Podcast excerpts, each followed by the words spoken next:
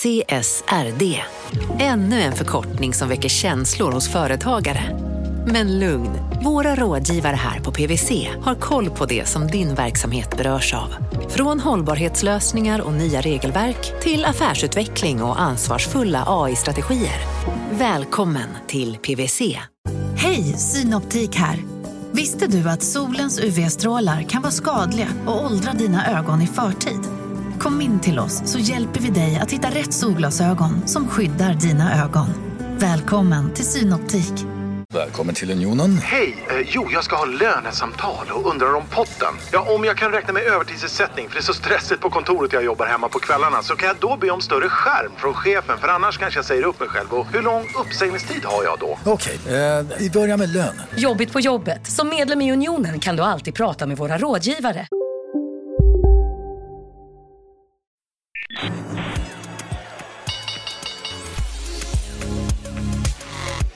Här är Affärsvärlden med Helene Rådstein. Hej och hjärtligt välkommen till podden Affärsvärlden där vi varje torsdag fördjupar oss i affärsvärldens journalistik. Jag heter Helene Rådstein och jag sitter här med Christian Brunlid och du är fondförvaltare på Handelsbanken. Välkommen hit. Tack för det. Du har två fonder på Handelsbanken. Jag tänkte vi skulle fokusera på den eh, microcap-fonden här idag. Ja, Men, men berätta, du är småbolagsveteran kan man säga. Ja, det kanske man kan säga. Ja, absolut. Jag har hållit på i, i 13 år på Handelsbanken med, med den svenska småbolagsfonden och lite drygt tre och ett halvt år med den svenska microcap-fonden då, som jag har. Mm. Och eh, du kom in här och så sa du sträck fram händerna. Men jag, jag, jag, jag gör det nu då. Vad är det du har med dig? Ja, jag har ju med mig världens bästa medel här för att eh, döda bakterier, eller virus rättare sagt. Vi har ju ett bolag i portföljen som heter Bactiguard. Ja, de- det, det här är osponsrat va? Exakt, och Ja. de eh, lanserade ju för någon månad sedan en produkt som heter Hydrosyn som, som Mm. dödar eh, virus till 99,9 procent på händerna. Och då ett, ett enkelt spray och sen väntar man 15 sekunder så är virus borta.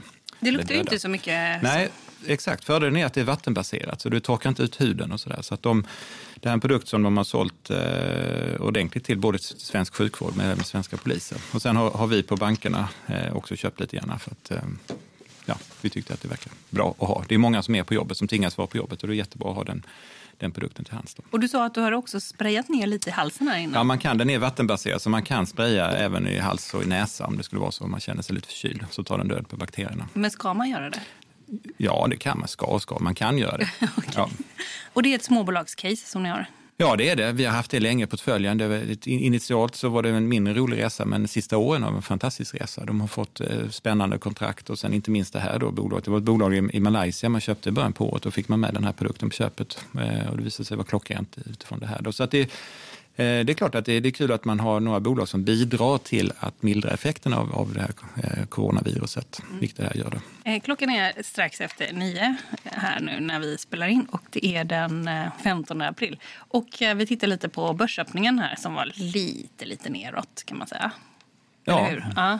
Om du bara ska kommentera det som händer nu i dessa oroliga coronatider. Vad kan du säga? Eh, Hur tänker du när du öppnar upp och kollar hur... Ja, det är alltid lika spännande varje dag hur, hur det ska öppna, höll jag, höll jag på att säga. Men, men eh, ja, alltså, börserna har ju varit eh, väldigt volatila en tid. Eh, Nu öppnade det ner lite grann, igår öppnade det upp lite grann. Det är väl bra. Så ju mindre, kommer vi in i en period med lite mindre volatilitet var ju väldigt bra. Vi såg också VIX-index som många tittar på i USA. Det har ju kommit ner under 40, vilket är positivt. Eh, sen har det ju varit, eh, börsen bottnade någon gång i mitten, ja, eh, 20 eh, mars någonting där. Eh, och sen har det ju varit en väldigt stark börs sen dess. Så då kan man ju fundera på om det är rätt eller fel. Eh, och mycket handlar ju om, framtiden här handlar ju väldigt mycket om, om den coronastatistik vi ska få. Och det vet vi ganska lite. Just nu ser det ut som att de flesta kurvor går lite åt rätt håll. Eh, men, men vem vet, vissa är ju rädda för en andra våg eller tredje våg så småningom. Eh, så kan det bli.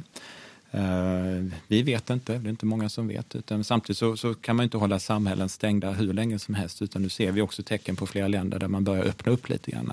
Men man kan säga också att eh, aktiemarknaden är ju nästan lite skyddad i dessa coronatider på ett sätt. Ja, jag diskuterade med några kollegor i morse faktiskt att liksom, varför inte aktiemarknaden ner mer egentligen? För om man, om man tänker sig att vi vid, vid, vid årsskiftet hade suttit här och pratat om eh, att ja, vänta bara om tre månader så har vi ett globalt virus, länder är nedstängda, det det finns inget vaccin och och, och konkurser ökar och, och arbetslöshet och, och det ena med det andra. Liksom, hur tror du börsen går fram tills dess? Mm. Då hade man nog varit ganska orolig eh, och sett betydligt större nedgångar framför sig än vad vi upplever just nu. Då. Samtidigt är det så när man tittar krasst på börsen så är det ju det är rätt många bolag som faktiskt tror det, ja, som, som gynnas lite grann av det här. Det är klart att många läkemedelsbolag, eh, många som är stora, eh, det hamstras läkemedel just nu så försäljningen går väldigt bra. Man, man forskar kring både vaccin men även traditionella läkemedel som kanske funkar som för att lindra symptomen. Så det, det är också stor, eh, stort fokus på det.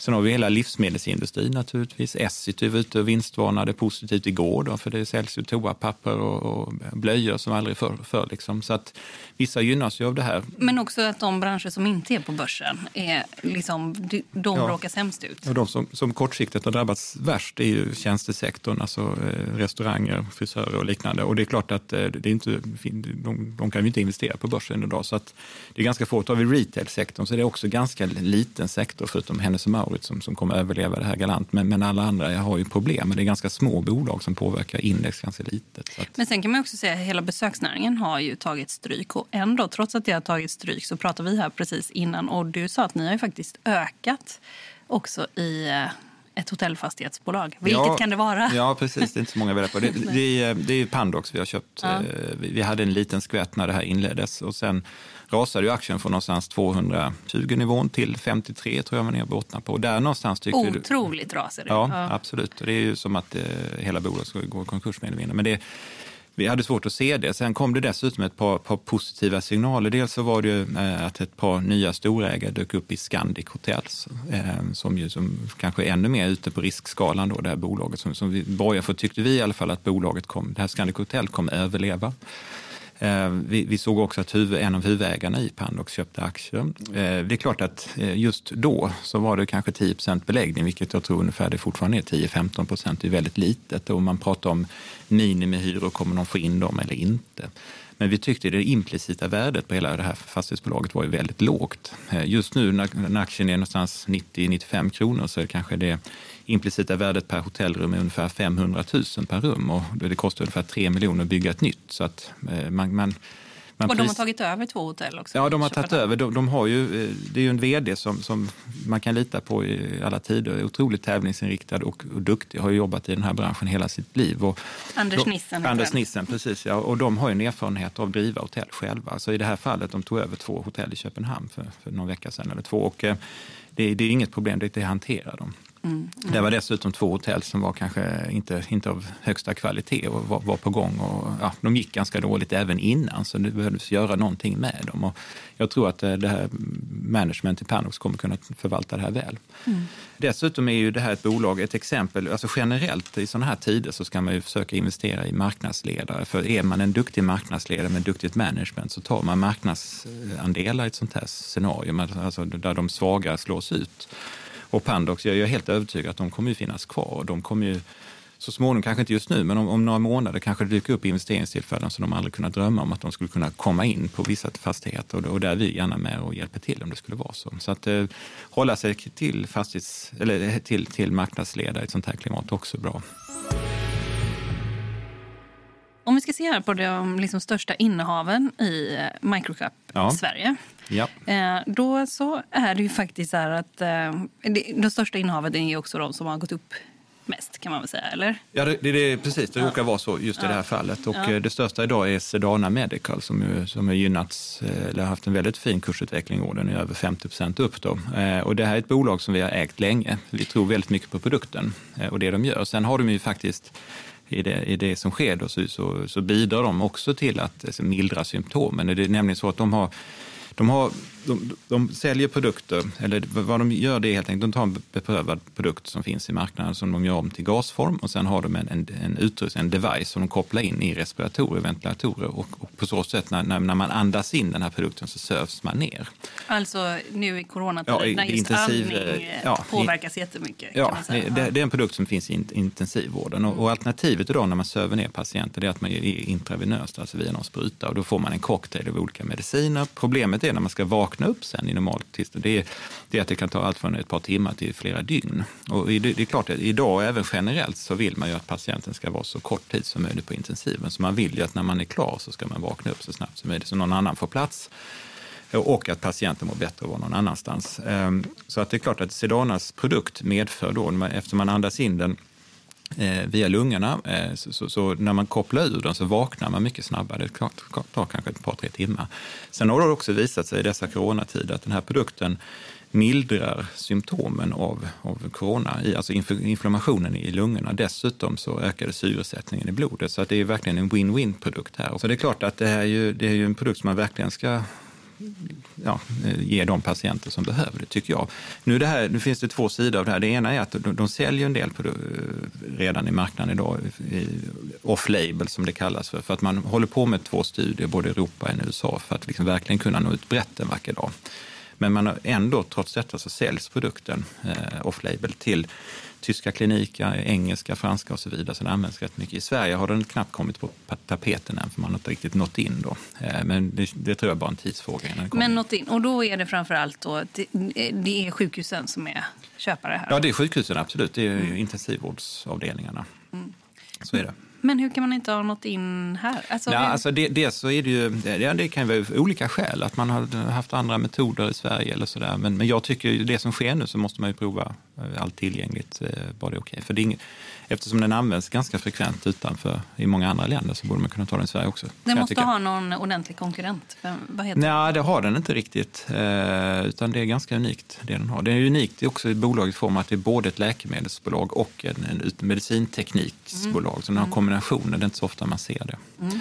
Eh, det stora är naturligtvis att, eh, att de får de här godkännandena i Europa som väntas nästa år och sen ytterligare något eller ett par år innan det kommer till USA. Det tar lite tid. Det görs just studier helt enkelt som tar tid. Sen kan man ju tycka i, i dessa tider, om, om, det, om det funkar bevisligen, så kan man ju tycka att man skulle kunna snabba på det lite grann. Men, ja, vi får se. Men om man ser hur det har gått upp hittills i år så är det 58 procent. Är det läge att gå in nu skulle du säga?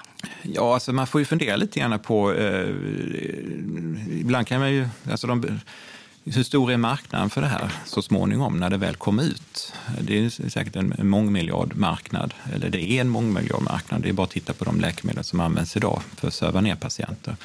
De ska inte, de ska inte ersätta det här. Det är liksom vissa, vissa, vissa ja, scenarier så är det bättre att använda de traditionella Encedonas. Men det, det, finns, bara man tar en liten del av den här kakan så är det en stor marknad för dem. Och då kan man fundera baklänges, vad, vad skulle kunna bolaget kunna vara värt då, eh, om några år? Och tittar man då, ja det kanske kan vara värt ganska mycket mer än vad det är idag. Då kanske det fortfarande är ett bra läge. Har du någon, vad, vad sätter du själv för gräns där? Hur, stort det kan vara? Eller vad ja, ja, va, va, hur länge hur, du tänker att du behåller det här tills det är värt? Vad ja, alltså än så länge är bolaget inne i en väldigt positiv spiral. Mm. Eh, de var ute för ett par veckor sedan och vinstvarnade positivt. Nu får man komma ihåg att det är från väldigt låga nivåer så de ökar försäljningen. Men det är ändå mm. det är en stor efterfrågan just nu på deras produkter. Och, eh, Eh, Eh, jag tror även att man kommer se blicka framåt i tiden, att det här kommer kunna bli ett ganska stort läkemedel eller produkt framöver. Så att då, då tycker inte jag man ska liksom begränsa sig eller liksom snäva in sig och tycka att nu har den gått för bra i år, utan den har gått bra av rätt skäl. Mm. Hade den gått bra utan eh, coronaoron? Nej, den hade nog inte gått lika bra. För det, återigen, det har ju varit en del positiv försäljning för dem tack, eh, tack vare det som har skett. Mm. Ehm, sen hade vi ju naturligtvis önskat att coronan inte dykt upp och då hade bolaget hade klarat sig bra ändå på sikt. För det kommer bli en, corona kommer ju ebba ut en vacker dag eh, och då kommer den traditionella intensivvården ändå finnas kvar som en stor kund till det här bolaget. Så att, den hade fått sitt rätta värde förr eller senare ändå. Nu har det gått lite fortare tack vare detta. Du lyssnar på Affärsvärlden med Helene Rådstein. Marknaden sponsras av SPP, pensionsbolaget. Eh, förra gången pratade vi lite om ITP. Och som en kort repetition så, så var det ju 70-tal, arbetsmarknadens parter bestämde att alla tjänstemän ska ha en tjänstepension. Man kom överens om vilka villkor som ska gälla i den här pensionen och så kallade man den för ITP. Så jobbar man idag som tjänsteman i ett företag med kollektivavtal, då har man förmodligen den här pensionen, ITP-pensionen. Eh, och det är ju så att man kan påverka eh, den här pensionen, hur den är placerad. Vart femte år så gör nämligen Collectum, som de heter, en enorm upphandling där olika pensionsbolag kan ansöka om att få förvalta eh, de här pensionerna. Och SPP är ett av bolagen som valdes ut i den senaste upphandlingen. Och sen kan du som pensionssparare välja eh, vilket av de här olika pensionsbolagen som, som då ska få ta hand om dina pengar. Och tanken med den här upphandlingen är ju att liksom kvalitetssäkra de här olika alternativen eh, men också att förhandla fram stora rabatter så att pensionsspararna ska få ja, kunna spara pengar genom att avgifterna eh, som är så viktiga eh, blir eh, lägre. Och vill man välja någonting i ITP-systemet då finns det en relativt ny sajt som heter avtalat.se. Ehm, där kan man gå in och se hur sin ITP-pension är placerad. Jag gjorde det häromdagen faktiskt. Ehm, idén är att hälften av pengarna alltid ligger i något som kallas för traditionell försäkring. Det här gjorde vi ett avsnitt om i podden Kapitalet nyligen eh, som vi kallade världens bästa sparform. kan man lyssna på om man är intresserad. Eh, den andra halvan eh, den kan man också lägga i en traditionell försäkring eller så kan man placera det i något som kallas för fondförsäkring. Eh, SPP som sagt eh, var ju ett av de fåtal bolagen som valdes ut i den senaste upphandlingen och de finns med som alternativ både med en traditionell försäkring och med eh, fonder. Så det var en liten bakgrund till ITP-systemet. Vill man läsa mer om det här eller typ kolla hur ITP-pensionen är placerad, eh, kanske göra förändringar, då går man in på avtalat.se men tack säger jag till SPP som vill göra oss människor mer medvetna om hur enormt viktig pensionen är för oss som en framtida lön, men också som en positiv kraft i samhället eh, och förstås för att ni möjliggör eh, den här podden Marknaden.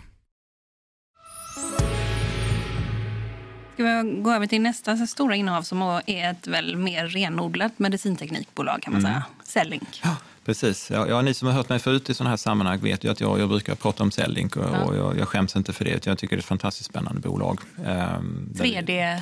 Ja, de 3D-printar ju äh, mänskliga äh, celler kan man säga, mänskliga äh, ja, organ eller vad man kan säga. De kan ju printa allt från hud, hud ny mänsklig hud till, till ja, Hjärta, va? Hjärtklaffar och hjärtan och så också. Precis har du sett det? Ja, jag har inte sett det själv när de gör, gör det här, men, men, jag har ju sett produkter som de har gjort. Jag har inte sett själva tillverkningsprocessen. Men det här är ju, det är ju ganska etablerat bolag då, ska jag säga. Dels bland universitet som det forskas mycket kring det här. Poängen med att kunna göra 3D-printing av, av om det nu är mänsklig hud eller, eller, eller, eller hjärtan eller en lever eller vad nu det är, att man kan ju testa läkemedel i mycket tidigare fas än, än man traditionellt kan. Men kan man eller det, det kan man? Ja, det, det kanske, kan man. Ja, alltså, kan, man kan testa hur läkemedlen eh, fungerar i 3D-miljö helt men, enkelt. Eh, om man bara har ett organ, det är ju så många andra organ som är kopplade till det organet ja. annars. Hur... Ja, men ofta då är det, har man ett problem med hjärtan, eller njure eller lunga eller vad det kan vara, för, då, är, då är det just där man vill komma åt och sätta in ett läkemedel. Och det är ju långa, jättelånga processer oftast att ut, utveckla ett nytt läkemedel. Då kan man förkorta det här med något år eller två år kanske för, att man kan testa det tidigare i mänsklig miljö. Så, så har ju mycket vunnit. Dels så kan man ju snabbare konstatera att det här läkemedlet kanske inte funkar alls eller så är det större sannolikhet att det funkar. Dessutom så är det ju så att det är inte bara i själva läkemedelsforskningen, men man har ju samma, spännande samarbetsavtal just kring hudtransplantation till exempel. Om man får en brännskada så kan man ju då eh, printa ut en hud som påminner om din eller ser exakt likadan ut som din. Om, om det är nu som, du som drabbas av, av din egen hud så sätter man på det istället för att plocka från andra delar av kroppen. Så att det, det är ett spännande projekt. Det här ligger en bit fram i tiden naturligtvis. Men tjänar du några pengar? Eh, nej, inte just nu. Nu har, eh, nu, är det ju, eh, nu har ju de också drabbats lite grann kortsiktigt av att det, det, de kan inte åka på lika mycket mässor och liknande och sälja sina produkter. Eh, så de har ju också tagit lite försiktig stans. Men, men det är otroligt fokus på tillväxt och jag tycker tillväxten är viktigare just nu än att man tjänar massa pengar i det här skedet. Man kommer tjäna pengar så småningom. Nu gjorde bolaget en nyemission här i, uh, i, tidigare år och plockade in en hel del pengar så att man är väl kapitaliserad. Så det, det, är inget problem där. Men, men, och, och, vem är största ägare här? Eh, största ägare, vi, vi igen, men det är ju grundarna som är, är, är huvudägare. Erik Atenholm då, som är vd och även är en forskningschef som är de två största. Sen, sen kommer vi väl kanske på tredje eller fjärde plats. Något där. Mm. Men om vi tar det som är tredje störst ja. eh, idag, viktat då i portföljen. Eh, Stiptech, vad, liksom, Ja, Stiptech är ju ett, ett, ett, ett, förvärvande bolag kan man säga. Det, många känner ju till Indutrade och Lagerkrans och de här bolagen. Alltså, nu finns det ett som heter Stiptech också som en, en, sedan några år tillbaka noteras för Stockholmsbörsen. Och eh, skillnaden här, varför vi tycker de är väldigt spännande, är att de har, eh, deras bolag de köper är inte så konjunkturkänsliga utan det är väldigt så här infrastrukturkritiska bolag, alltså saker och ting i samhället som måste fungera Det kan vara ett reservaggregat i Karolinska, det kan vara vatten som ska flöda, det ska vara olika mätare och så vidare. Så de, de köper bolag som, som liksom, de, de, växer inte så det knakar, de växer ganska lagom men, men har fina kassaflöden. Och de här kassaflöden används för att köpa nya liknande bolag. Jag tror att vi kommer se här nu när rapporten från Stiptech kommer här att de är ganska opåverkade av det som sker i världen just nu. Då. Och vad det gäller infrastruktur, vad har de köpt där då, som ni tycker har varit... Ja, det har varit en mängd bolag både i Sverige och utomlands, även i England. Eh, bolag som, som liksom passar in. Det, det kan vara data datasäkerhet och sådär också. Eh, ett stort segment de har det är ju eh, hissbusiness. Det är helt enkelt att när hissar ska servas, går en hiss sönder så vill man att den ska eh, ja, lagas. Den ska ju inte helst gå sönder, man vill ju inte fastna en hiss. Va? Så att den ska ju servas kontinuerligt och ibland byggs de om också. Så att, men eh, för det tycker jag också som en allmän trend så tycker jag att allt som rör just infrastruktur i samhället, alltså från det stora till yes. det lilla, att ja. de borde också gynnas av, eh, vad ska man säga, att man har fått upp ögonen för hur viktigt det är med det bakomliggande hela tiden. Ja, det är sånt som vi tar för själv, givet att ja. det ska fungera. Det, det, det, är inte för givet, utan det är någon som funderar på det. Men finns det tillräckligt med bolag för dem att förverva då, framöver? Ja, det gör det absolut. Ja. Det tror jag. De har ganska lång förvärvslista, så de betar av efter, ett efter ett. För många av de här förvärvsbolagen de är ju också uppvakta familjeföretag och liksom mm. generationsväxlingar. och sådär. Men är det samma här liksom inom den Ja, nischen? det skulle jag säga att det är faktiskt. Ja. Det finns eh, flera exempel på det. Att de att, och, och, kanske legat och knackat på dörren i flera år och sen till slut så får du möjlighet att köpa eh, bolaget. Då. Så att det, Absolut, och de, de, får i takt med att de växer och kursen går bra så, där, så, så får de ju ett bättre liksom, rykte i marknaden, och, vilket underlättar sådana här situationer också. För ofta är det, det är rätt känsligt för en, för en grundare vem, vem och när han säljer eller hon säljer sitt bolag, sitt livsverk. Eh, helst vill de ju inte sälja, men de, de känner väl att de inte hinner med eller att det inte finns någon som vill ta över. Och så där. Och då, då, då, då är ju Stiptech ett, ett bra alternativ. Du som följer småbolag, tror du att den trenden generellt håller i sig med förvärvsmaskiner? Ja, absolut. Det tror jag. Ja. Nej, men många bolag, alltså det, det är lite win-win. Dels så Eh, bolagen, de noterade bolagen värderas ju relativt högt. De köper bolag till lägre multiplar, för det är så i prissättningen. Så det blir ju liksom en multipel eh, expansion direkt, eller ja, man får fördela av det. Då. Sen, sen de bolag man köper, de, de hamnar oftast i en betydligt bättre miljö. Eh, lite mer eh, ordning och reda kanske, lite mer möjlighet att växa. Eh, helt plötsligt får man, har man bra förvärvsidéer så går det förmodligen fortare och kontaktnät och man hjälps åt. Och man, man, ja, så att det, det finns Ofta så hamnar de i en bättre miljö så att det är bättre för båda parter helt enkelt. Vi går vidare. Nu är det mm. fjärde största innovativ fonden, mm. det är Storytel. Och eh, ja. det har gått upp 20 procent Ja, eh, det, det, det, inledde ju året väldigt starkt för att de hade en, en väldigt, eh, väldigt skickligt managerad och även intressant kapitalmarknadsdag någon gång i mitten på januari. Så aktien gick ju bra där. Sen föll den tillbaka lite grann och kom tillbaka starkt. För det är klart att bolaget har varit ute och sagt att ja, det är klart att när vi inte kan träffas och socialisera på samma sätt som vi är vana vid så kanske man lyssnar på böcker lite fler då, eller lite mer. Eh, och så att den statistiken har ju varit gynnsam för dem. Dessutom gjorde de ju eh, med facit hand lite tursamt en, en ganska stor emission precis innan sportlovet. Så att de fick in en miljard ungefär i kassan. Så att liksom den diskussionen eller oron kring kassan och, och där, den är ju bortblåst just nu. Då. Mm. Att, och eh, ska de in på nya marknader här framöver? Det, det, det måste de? Ja, lite grann tror jag. Nu, nu, tror jag att de har satt ut flaggor på rätt många ställen, eller de har gjort det. Det kan nog komma till en och annan marknad. Utan nu, jag tror det är mer fokus på att växa på de marknader som de är med på faktiskt. Mm.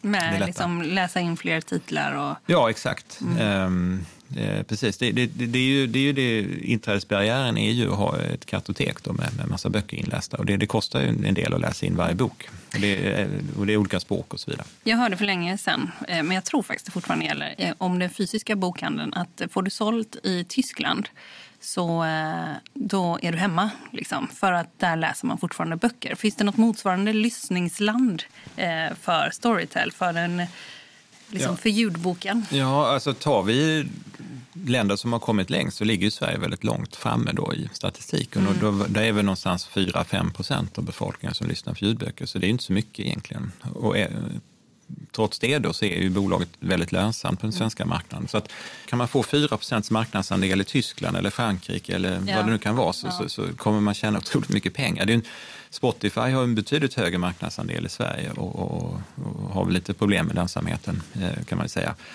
Eh, Så, så att det här finns ju, och sen är det ju frågan, eh, ja, så, så det gäller ju att nå de här, det tar lite tid och det kostar pengar. Och sen ju, finns det en viss konkurrens. Eh, Den stora konkurrenten är ju Audible, alltså, som ägs av Amazon. Eh, De eh, i princip har bara engelska titlar. Så att, därför har ju Storytel hållit sig borta från de marknaderna, engelsktalande marknaderna, hittills i alla fall. Du, vi går vidare. Bygg hemma. Eh, Bygg hemma, ja, ett stort innehav, absolut. ja, Eh, men och- eh, ska man slösa sina pengar på det nu i dessa oroliga tider och bygga om hemma? Ja, slösa, slösa. Jag tror det är när man, när, ja, men när man inte kan eh, åka iväg på någon resa någonstans. Så det verkar, Vi vet ju inte riktigt när vi kan lämna det här landet, höll jag på att säga. Så, så får man ju göra grejer hemma istället. Och det har vi ju sett faktiskt att, att eh, det är stor eh, tillströmning av kunder till liksom Bauhaus och liknande. Och naturligtvis säkert, säkert också bygg hemma. Att man köper hem nya trädgårdsutrustningar och liknande. Så det, det tycker jag, den känns i sammanhanget bra. Ja, och det tycker marknaden också kan man säga. Ja, det har det, det- det, är något marknaden också tror. Det är Ja, 18 än, än, så procent. länge, Ja. ja, än så länge i alla fall. Eh, nej, men jag, jag tror att de, de, de var redan, redan innan det här hände så, så tog de ju marknadsandelar, hade bra, bra tillväxt och så. Så det var, det liksom, bolaget var bra riggat redan innan det som skedde. Då. Sen eh, Mentis. Mentis, ja precis. Ja. Ja. nej, men vi, vi har inte bara de fem största innehaven har utvecklats väl i år, men, men sen har vi vissa innehav som, som inte riktigt gynnas lika mycket av det som sker. Då. Eh, och Mentis är ett sådant bolag. Vi tycker det är superspännande. Egentligen då, det är ju ett bolag som är exponerat kan säga, mot robotkirurgi och liknande. Så att det, det handlar om, det är samma som Surgical Science, de håller på med ungefär samma sak. De, man ska i virtuell miljö kunna träna sig på olika operationer, om det nu är någon lungoperation eller om man ska in Eh, via någon ven och klippa av en, en eh, eller fixa till en hjärtklaff eller någonting sånt där, så ska man, ska man kunna träna sig virtuellt. Och det är klart att det är precis som när man flyger ett flygplan idag så tar man för givet att den här piloten har utbildat sig i, i, i ja, det som har flugit många timmar men också gjort alla utbildningar i flygsimulatorer som krävs. Så att man har varit med om olika situationer. Så att eh, när man väl sätter sig på planet så sitter ju dessutom piloten med så kan man utgå från att det borde gå ganska bra. Men lägger man sig på operationsbordet så vet man inte om det här läkaren har gjort det här 300 gånger förut eller om det är den tionde operationen. Det är ganska stor skillnad på utfallet. Eller första, ja, precis. Men har man ju, kan man visa upp någon, någon form av intyg på att eh, jag har gjort alla tester som krävs och jag kan det här så, så, så är det st- större sannolikhet att operationen blir lyckad. Så det är klart att det här är någonting, och det handlar också om effektivise- effektivisering av sjukvård. Att, att liksom, mer lyckade operationer, bättre operationer gör ju att färre patienter behöver vara på sjukhuset en längre tid. Eh, så det, det är ju så här effektivisering av sjukvårdstema kan man säga.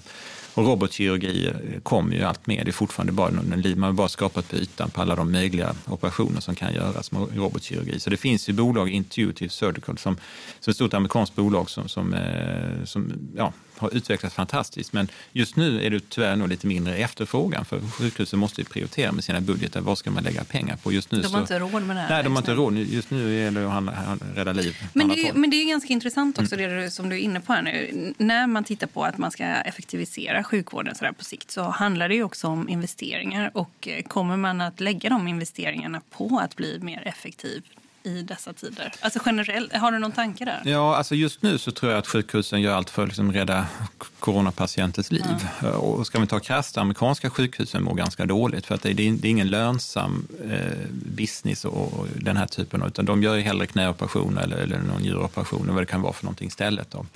Ja, för man ligger länge och liksom det är samma patient som ligger... Eller hur Ja, nej, men ersättningssystemet är annorlunda så att man får mindre ersättning. Så alltså, Ja. ek- ekonomiskt krasst så är det katastrof för de amerikanska sjukhusen. Vilket ju innebär när man kommer ur det här så har man ju en, så har man kanske inte samma medel att investera i nya, nya produkter. Det kommer ju drabba bolag som Elekta eh, också förmodligen. Eh, så att, men så småningom så kommer vi väl tillbaka i det här. Vi måste effektivisera eh, sjukvården. Det kommer säkert, Alltså Elekta kommer säkert, som har strålnings... Exakt. Ja. Eh, och det kommer säkert krav från myndighet att ni måste investera i ny, liksom, ni måste ha den här typen av utrustning för att kunna utbilda era läkare så att det blir högre sannolikhet att det blir bra operationer. Så att jag tror det kommer att komma tillbaka så småningom. Så att temat att effektivisera sjukvården kommer ju finnas kvar i lång tid framöver. Eh, Och flera av de här innehaven, även Sedana som vi pratade om tidigare, är ju ett sådant exempel på ett bolag som effektiviserar, att alltså förkorta tiden på sjukhus helt enkelt. Mm. Vi går vidare till Invisio. Ja, eh, det kan vi göra. Det är också ett annorlunda bolag i det här perspektivet. Då. Eh, De, de, vi har ägt det i många, många år och de senaste åren har ju varit fantastisk utveckling. Det, är helt, det stora produkten idag det är en det är en produkt man stoppar in i örat, eh, fungerar både som hörselskydd men även i kommunikationssyfte. Och poängen är att man kan kommunicera väldigt bullriga miljöer, alltså den man pratar med hör perfekt vad man säger för att produkten ligger an mot, mot eh, skallbenet så att allt utomliggande ljud försvinner. Och det är poliser Ja, och det är typiska kunder är polis, eh, militärer, ja precis. Eh, svenska polisen har den bland annat, även svenska militären. Så att, de har ju haft en väldigt bra framgång. De, är egentligen, de har en monopolställning i den här marknaden. Så att de, det tar ju många, må, lång tid att komma in på de här kunderna, men väl har man kommit dit så, så är det bara att skörda. Men den tekniken finns ju också i hörselapparater.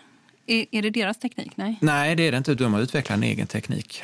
Ja. Hörselapparater är ingen kommunikation, det, är bara, det förstärker ju ljudet för de som Ja, precis, hör lite men det tar, sämre. bort, det, alltså det tar ju bort sådär att eh, nu ska det Ja. bruset bort Ja, och nu men, ska men du bara... kan, du, när, när du pratar och kommunicerar med någon så har du inte den utrustningen. Så att det är Invisios poäng är att de har åt båda hållen. Då, ju.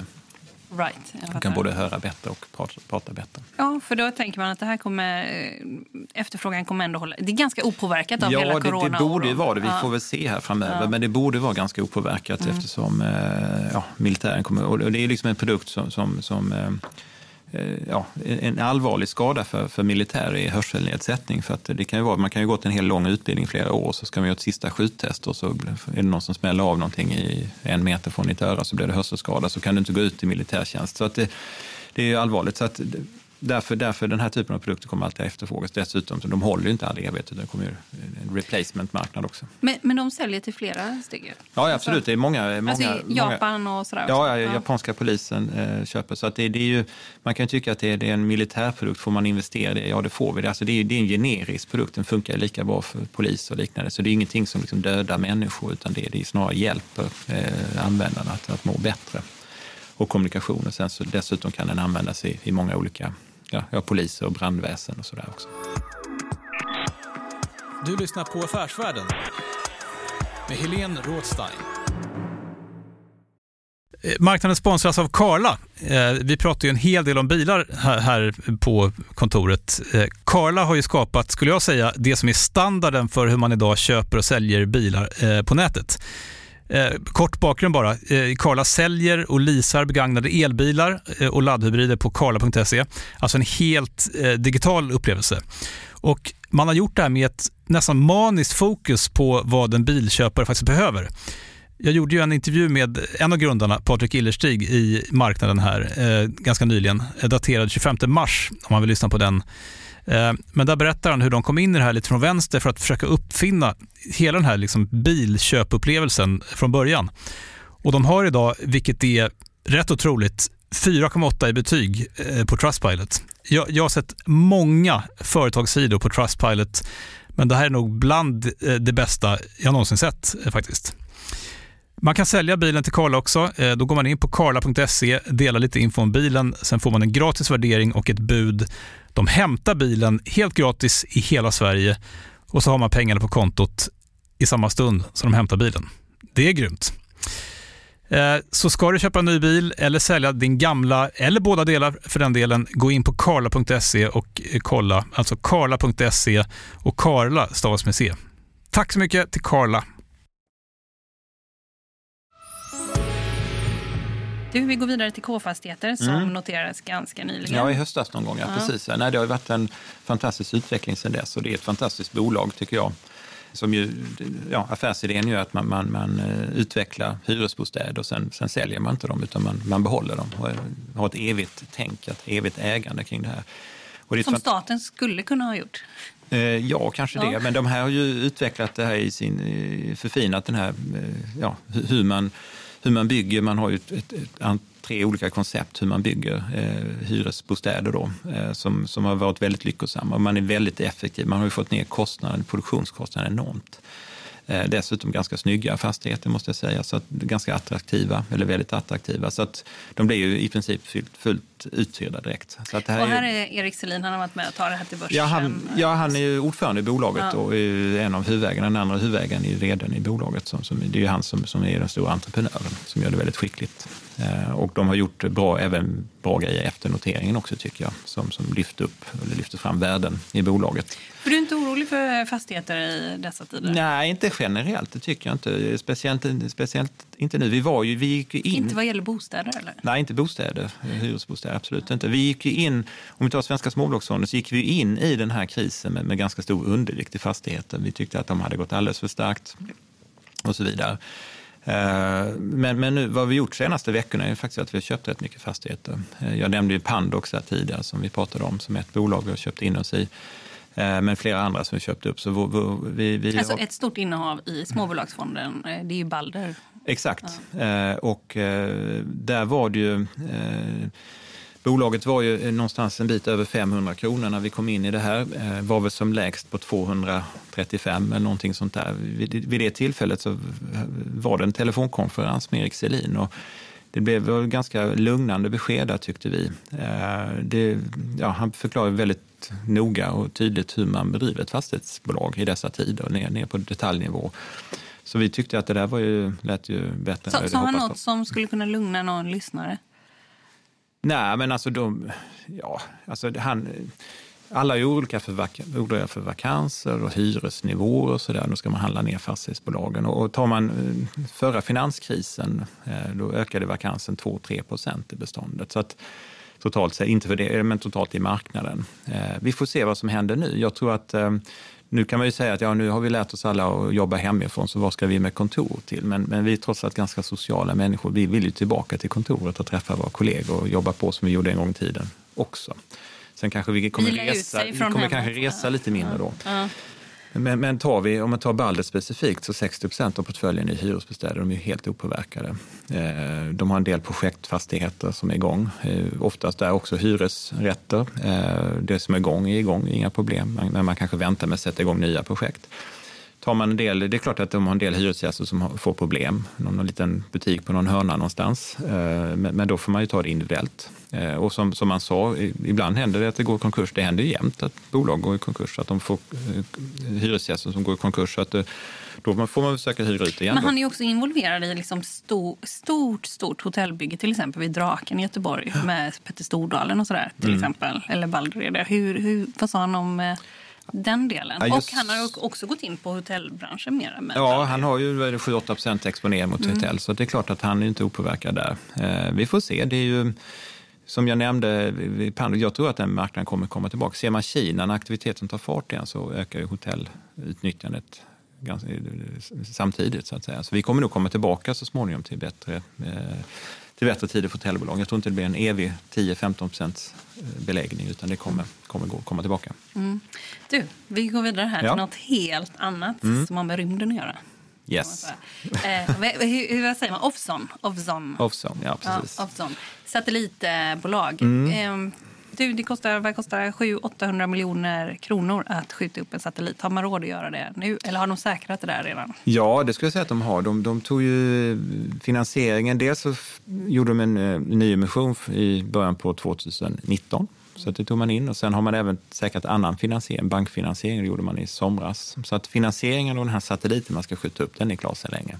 Kommer man skjuta upp, var är den då? Ja, just nu så är det, den håller på att tillverkas den här satelliten. Mm. Och sen har man ju en slott med en sån här Ariane-raket, alltså den här europeiska satelliten. Eh, jag tror det är om det är ja, slutet på 2021, tror jag det är faktiskt, som man ska skjuta upp den. Men i grunden så är detta ett kommunikationscase, va? Ja. kan man säga? Ja, de har ju, eh, det unika då här är att de har ju en, en kommunikationsutrustning som är Eh, framförallt är den liten men är väldigt bra så att liksom, både du och jag skulle kunna bära med oss den här då, och kommer vara på väldigt otillgängliga platser i världen, i Sahara eller ute på Atlanten mitt ute och ändå kunna kommunicera bra med omvärlden. Det är ju ett problem idag att man inte kan det eller att man måste ha stora utrustningar så det är otympligt att ta med sig. Så dels har man det, så att eh, även de här har ju militären som kunder till exempel. Man kan tänka sig olika specialstyrkor som, som finns lite varstans. Då. Eh, men det andra är också att det, det efterfrågas så mycket kapacitet, satellitkommunikation eh, av olika slag. Det är ju snabbt och är, man behöver inte bygga ut näten överallt. Då, utan och här kommer man då skjuta upp en, en, en, en satellit här då, som, som, som, kommer fyllas upp. Och, och, och, och, där har man redan nu kontakterat en hel del av kapaciteten, men kommer ju naturligtvis vänta lite till innan man fyller upp den helt och innan, innan, innan det är dags att använda den. Och då, då kommer det här vara, det kostar 700-800 miljoner som du nämnde att skjuta upp den här, men man kommer ha intäkter på ungefär en miljard på årlig basis. Så att då kan man, och kostnaderna är ganska små. Då. Det, är ett ganska litet, det är inte många människor som jobbar med det här och eh, när den väl är uppe i rummen så kostar det inte så mycket att driva. Så att det här blir en enorm fin marginal för bolaget. Sen tror inte jag, man kommer inte stanna med en satellit. Man kommer ju, när man väl är uppe med så kommer man ju starta igång nummer två. Då. Eh, den här typen av teknologi kan man säga att det är konkurrenter till teleoperatörer egentligen på sikt? Nej, möjligen. teleoperatörer är snarare kunder till det här bolaget. Faktiskt. Ja, är det så? Ja, skulle okay. kunna vara det. Mm.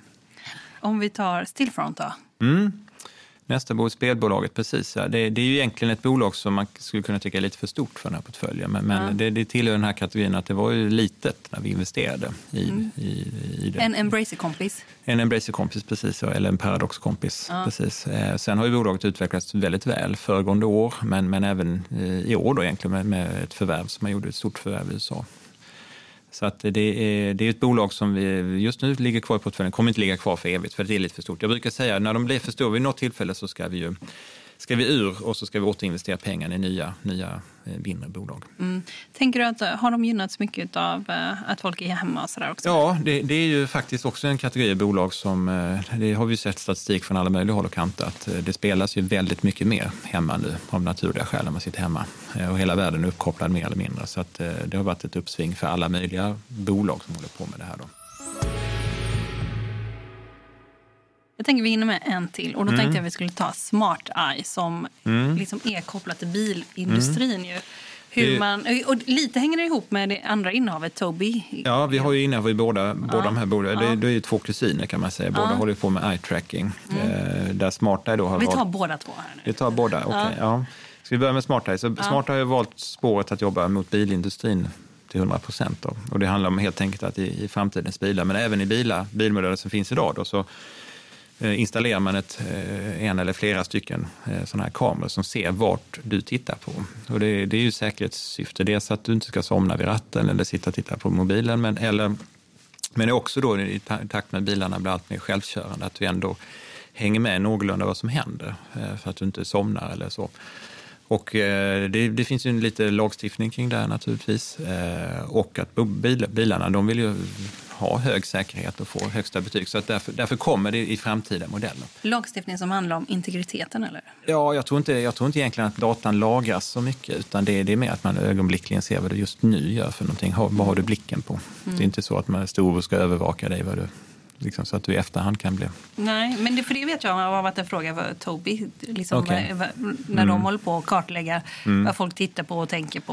Ja, Tobii har ju ett, ett affärsområde som, som eh, handlar mycket om, om eh, vad tittar man på i olika miljöer. Det kan ju vara reklamskyltar, det kan vara inne i butiker. Och den typen av, den, den businessen har ju haft lite, lite motvind nu i år då, eftersom eh, universitetet mer eller mindre stängt ner. Då. Mm. Tobii Pro heter det. Pro, ja. Tack ja, för det. Ja. ja, just det. Ja, just det. Den har haft det lite jobbigare. Mm. Men däremot så kan man tänka sig att det som handlar om Tobii Tech som är inriktat på spel och där man kan mm. styra med blicken på något sätt, att det skulle kunna gynnas av de här. Ja, det, det borde ju vara så kan man tycka. Ja. Eh, bolaget har varit ute och flaggat lite grann att kanske inte är de där största effekterna, men, men det borde ju liksom etablera sig mer och mer. Jag tror att det är en, det är en häftig liksom, funktion som, som spelare säkert vill efterfråga. Eh, att det blir en extra dimension på, i spelet. Men eh, de har ju inte tjänat pengar på väldigt länge. Det lyfter liksom inte riktigt nu heller och eh, kursen har gått ner och sådär. Och samtidigt så har man sådana enormt stora amerikanska drakar som är inne på samma områden mm. som de gör och som förvärvar bolag och sådär. Mm. Mm. Deras tre affärsområden är ganska separerade från varandra. Kan man tänka sig att något försvinner därifrån? Eller vad kan man tänka händer med Tobii på, inom två år? Jag, jag tror hittills har ju Tobii Pro och, och Tobii Dynavox de har ju varit lite kassakossor för det här bolaget som har finansierat utvecklingen i Tobii Tech. Då. Och, och, och eh, Dynavox det är mot rörelsehindrade? Ja, exakt. Ja, exakt. Mm. Och, ehm, eh, jag tror att Tobii Tech så småningom kommer komma upp i lönsamhet här också. Kanske inte i år, då, men förhoppningsvis nästa år. Då, då, jag, tror, jag tror inte, de hänger ihop ganska väl, alltså teknologin. Jag tror inte det finns någon poäng riktigt att dela på bolaget eller så. Utan blir det uppköpt så blir hela bolaget uppköpt. Mm. Och, det, och det, kan man vänta sig det? Ja, det, det, är ju ett scenario naturligtvis. Vi, det, flera av konkurrenterna har ju blivit uppköpta under årens lopp. Mm. Varför inte Tobbe har blivit det vet jag inte, men, men å andra sidan så ja, då har vi ju möjlighet att investera via börsen istället. Mm. Du, eh, ska vi kolla här nu hur mm. börsen har gått? Eh, nu, det har gått ungefär en timme sedan vi spelade in. Hur, eh, hur är utvecklingen här? Ja, det är lite som när det började. Mm. Ner nästan runt en procent. Ja, det är väl bra. Ja, det är bra. Ja, alltså det, det, det är inte bra när det går upp hela tiden. Det måste ju sätta, eller, det måste gå tillbaka lite grann. Det kan inte vara en ra- rak linje. Sen tror jag i och för sig att börsen har ju gått, tittar vi några veckor tillbaka så har den gått väldigt starkt. Det finns nog lite vinster i systemet. Eh, Så att folk är nog, vi får se nyhetsflödet här också. Eh, Vi har ju haft en del positiva nyheter, men det kan ju komma lite bakslag. Nu öppnar en del länder upp då vad gäller corona. Det kan komma lite bakslag eller så också. Eh, Men det stora osäkra är, ju liksom när, när återgår vi till det normala? Det kan ju, det kan ju, det kan ju dröja väldigt länge. Liksom. Så att, eh, Vå- Vågar du på dig någon gissning? Nej, nej, nej. Jag, jag har gissat för mycket innan kring corona som jag har haft fel. Så Alltså, jag vi- vågar vi- inte på vad- det. Vad är det största felet då? Nej, men jag tror det liksom de flesta andra att, att det här skulle isoleras eh, till mångt och mycket till Kina initialt. Och sen, sen när vi fick det innanför västen då när det dök upp i Italien ordentligt, då blev det lite läskigt. Och jag hörde dig så recitera Mikael Wiehes eh, Titanic. Eh, är en skakning på nederdäck. Ja, ja, det var det ju lite kan man tycka. Det, aktiemarknaden brydde sig inte så mycket om, om vad som hände i Kina initialt. Då. Nej. Men det var ju när det kom lite närmare in på som det blev mer allvarligt. Och sista med eh, kvartalsrapporterna, de sätter igång här nu nästa Mm. Ja. vecka va? Ordentligt. Ja, det blir jättespännande. Många bolag har varit ute och flaggat redan för lite Ja. hur, hur det ser ut i första kvartalet. Eh, Alla har ju haft en mer eller mindre ganska bra januari, februari. Sen mars är ju svagt. Eh, april kommer det ännu svagare. Så det blir mycket fokus på liksom vad, de, vad de upplever här och nu i samband med rapporterna. Eh, det kommer också vara Vad va, va, Spec- va, vad kommer du ha utkik? eh, Ja, eh, ja, allt möjligt. Alltså, det beror ju helt på bolag och sådär också. Ehm, vissa bolag som vi är inne på kommer ju tycka att det, här, är- att det går hur bra som helst. Eh, vissa bolag tycker det är jättejobbigt och det kommer vara det är inte helt logiskt alltid heller, utan det, bolag kan ha mer eller mindre tur var man är lokaliserad någonstans, eh, hur mycket det har drabbat dem på olika sätt, vilka länder som är öppna och vilka som inte är det och sådär. Så att det, det kommer vara lite olikt den här gången och, och sektorer som upplevs som väldigt stabila, vissa servicebolag kanske inte har varit alls så stabila den här perioden. Så att det är mycket att tänka på. Eh, vi har ju skruvat om våra portföljer lite grann den här perioden och vi har ju investerat mycket i alltså sånt där vi verkligen köpt i bolag där vi eh, antingen tycker att vi, vi har ganska bra grepp om, om framtiden. Alltså vi, har, vi har ökat på i spelbolag, alltså konsolspelbolagssektorn. Vi har, vi har nu på slutet köpt en del fastigheter där vi också tycker vi har hygglig kontroll på, på utvecklingen. Ehm, vi har en del av de här medicinteknikbolagen också. Ehm, Så att, eh, ja, där, där vi har minskat ner kan man säga, det är ju lite så här big ticket items där, där, liksom, där, där det inte finns någon eftermarknadsaffär, där serviceaffären är väldigt osäker. Vilka, Ja, men typ, typiskt ett sånt bolag som vi minskat ner som faktiskt vinstvarnade igår var ju Nobia. Eh, ja, hur mycket kök säljs det? Ja, men det är klart det säljs kök, men man kanske tradar ner sig till Ikea-kök istället. Eller, så att där kan ju... Mm. De är också tunga mot Storbritannien, va? Ja, exakt. Och det var ju framförallt det som tyngde dem. Då. Mm. Eh, Det kommer säkert komma tillbaka en vacker dag, men vi vet ju inte riktigt när. Mm. Eh, Då har vi nog chans att komma in igen i så fall. Så att det, fin- vi, man får ju tänka på alla bolag på lite olika sätt. Det är intressant så, med det jobbet man har. Då. Jag säger tack till dig Christian Ja. Brunlid från Handelsbanken för att du var med i podden Affärsvärlden. Kul att vara här. Du har lyssnat på podden Affärsvärlden som utkommer varje torsdag. Mer fördjupande journalistik hittar du varje timme, varje halvtimme, nästan varje kvart på affärsvärlden.se. Och sen så går det också förstås att prenumerera på tidningen Affärsvärlden. Alla dessa uppgifter finns på affärsvärlden.se. Och podden, den är tillbaka om en vecka. Håll ut!